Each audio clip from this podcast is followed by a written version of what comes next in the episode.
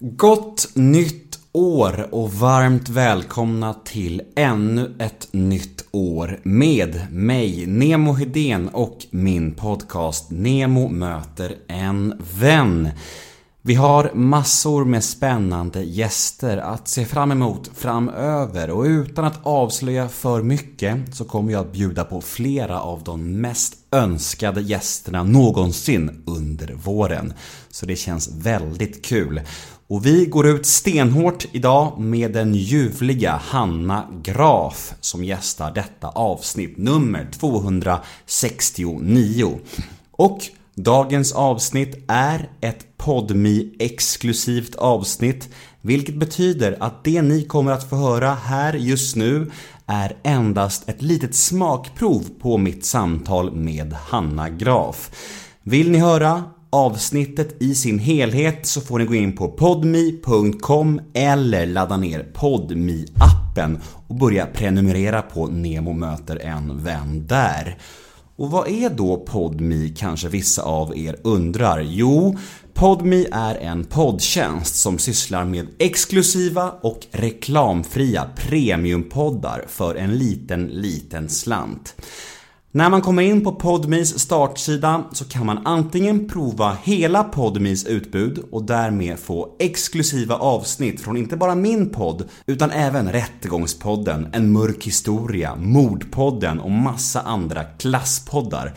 Och då kostar det 69 kronor i månaden. Eller så kan man klicka sig vidare specifikt in på min podd och bara välja den. Och då kostar det endast 29 kronor i månaden. Och oavsett val så är första månaden helt gratis. Och det är helt reklamfritt och ingen bindningstid.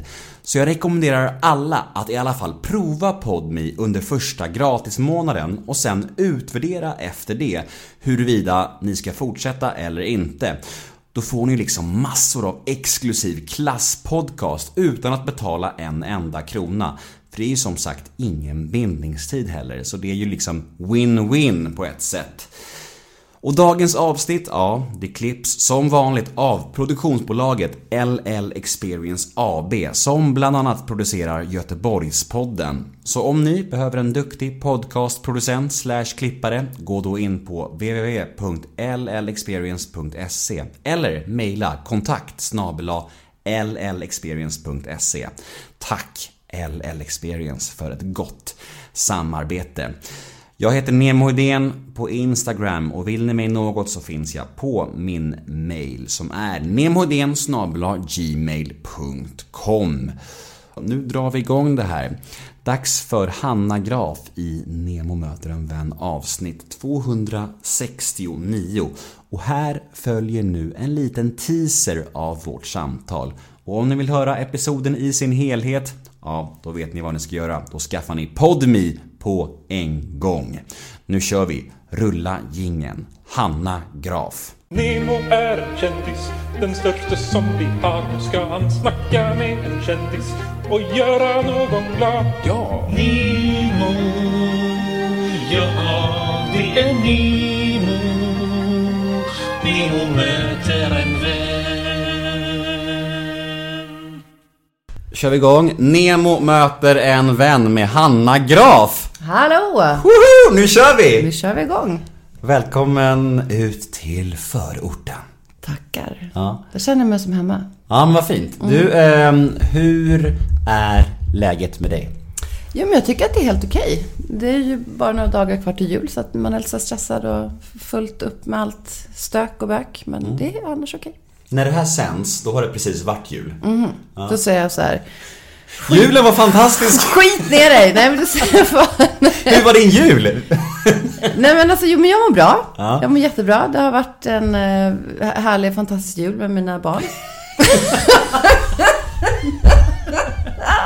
Nej men jag mår skitbra. Ja, vad kul. Ehm, Men om vi ska summera eh, 2019 då. Eh, Vad ger du det här året för betyg? 1 till 5? Ja, men det, jag är nog inne på ett faktiskt. Det har varit ett riktigt jävla rövår. Men å andra sidan så skulle jag nog kunna säga... Nej, nej det gör jag faktiskt inte. Jag höjer den där lite grann ändå. Jag höjer den till eh, tre. Höjdpunkter och bottennapp. Bottennappet är ju utan tvekan min skilsmässa. Eh, Eller den påbörjades i och för sig året innan men, men liksom, ja, det har varit jobbigt det här, det här året. Och eh, höjdpunkterna var väl min och syrrans eh, serie som vi spelade in. Som varit så fruktansvärt kul.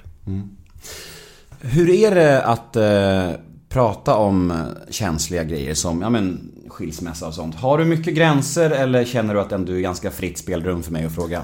Nej men jag är väldigt sådär, jag har inga problem att prata med saker som handlar om mig själv och mitt känsloliv och saker som jag känner och tycker och, och som ska vara jobbigt. Det har jag inga problem med. Kanon! Ett, kör. drö- ett, ett drömintervjuobjekt med andra ord. Ja, Ja, vi får väl se. Ja, vi får se. Eh, vad fanns det för likheter mellan dig och din syrra kontra skillnader då? Ja, men jag tror att jag och, och Maggan är ju på många sätt väldigt lika. Men också är vi totalt olika. Hon är väldigt social och framåt och, och tar över liksom på ett positivt sätt såklart. Men kan komma in i ett rum och börja prata med alla. Och jag kanske är mer den som går och ställer sig i mitt hörn och eh, tittar mer och liksom kanske lite mer bakom. Och håller liksom ett, em, ett vakande öga istället. Så att vi, men vi kompletterar varandra där. Det känns som att er relation har varit lite, alltså utan att veta hur det ligger till, det här är bara min, jag bara spånar fritt nu, men att er relation har varit lite från och till genom åren med hur tajta ni har varit. Ja, men vi är syskon, så är det ju såklart. Det är ju som med vänner. Vissa perioder så har vi varit supertajta och ibland så har vi inte umgåtts alls. Så att det, men så har vi alltid haft de här djupt rotade banden till varandra och liksom alltid funnits där när det behövts. Men eh, ja, det har varit lite så här när vi har behövt varandra som mest i kanske jobbiga situationer i skilsmässor och sådär. Då har vi verkligen bondat och gjort mycket som stöttat varandra och funnits där vid varandras sida. Men när livet har rullat på och vi har haft det som fött barn i olika, eh, ja, med olika år emellan och sådär så har det väl blivit att vi kanske inte umgås jättemycket. Men så är det väl. Ibland är vi riksovänner och ibland är vi jättegoda vänner och så upp och ner. Men okej, eh, jag är nyfiken på en grej som jag vet att många lyssnare också är nyfikna på. Du berättar om din mamma som är eh, kristen. Mm. Eh, och eh, du och din syrra, ni slår igenom, ni blir glamourmodeller och, och är med i slits och, och blir superkända för hela svenska folket egentligen. Ni blir verkligen superkända där. Va, hur, hur reagerade hon på allt det här? Eh, nej men det kanske inte hon tog på det bästa sättet såklart. Eh, sen mycket annat. Det var väl eh, Slits och Café var väl en, en liten del av allt vi gjorde. Men det var väl det som hon var minst stolt över. Och det är det, tyvärr det som, som eh, uppmärksammas mest och det som lever kvar på något vis. Men det är klart att det kanske inte mottogs jätteväl från hennes sida. Men så har hon alltid varit väldigt förlåtande och förstående, förstående och sagt det som att jag stöttar inte alltid de valen ni gör men jag finns alltid och stöttar er och kommer alltid älska er. Men eh, det var ju så att vi försökte gömma alla tidningarna i varenda butik där vi bodde. Men det gick ju sådär. Ja, alltså man vet ju själv när man är förälder nu. Alltså, hur man, det kommer vara svårt sen. Alltså, jag fick den frågan i, i en annan en podcast som jag gästade. Då frågade de så här. eh, Hur skulle du reagera om eh, din dotter var med i en dokusåpa? För jag har ju själv varit med i Kungarna av Tylösand för tio år sedan. Ja, man får bara, kommer då så får man ta det då. Jag känner liksom, jag får alltid, alltid de där frågorna. Men vad skulle du göra om dina flickor skulle vika ut sig? Jag vill bara kräkas på frågorna. Men ja, som sagt, då får jag väl ta det då. Då får jag väl lyfta de öronen. Jag kommer inte vara lika förstående som min mamma i alla fall. Eller Jag vi- förlåtande. Jag, jag visste att du skulle tycka den här frågan var lite tröttsam. Ja. Eh, Men, men det var så många som var nyfikna på det. Ja, men jag Märkligt förstår det. nog, ja. Såklart. Men ja, absolut. Men ehm, det känns som man har svarat på en så jäkla mycket. Hela tiden. Mm. Jag, det först, jag förstår det. Mm. Jag borde sa- sagt det, jag borde kommenterat på min Instagram där. Jag borde skrivit så här. Ni får googla själva. Ja, nej men vadå, så att frågan då just det här med, eh, med vad min mamma tyckte eller Exakt. med Nej, mina inte- flickor? Nej, nej, inte den. Nej. Den var inte med. Eh, Det var framförallt då den, eh, hur din, Hur föräldrarna tog det. för att hon just var eh, religiös. Den aspekten. Jag tror mer också om man ska grotta in sig lite mer i det så nu är jag ju själv troende och kristen men jag tror att de som faktiskt var de mest dömande det var de kristna. Som mamma fick mest skit ifrån. Som kunde säga till henne, hur kan du stå här och predika Guds ord när du har två så smutsiga barn? Så att det var ju många ifrån, tyvärr, som man tycker som borde ha lärt sig via Jesus och Bibeln att man ska vara förlåtande och, och, inte döma. Men det, de var de mest dömande faktiskt. Så att jag kan förstå att det var väldigt tufft för mamma. Men uh, that too shall pass, och det gjorde det ju.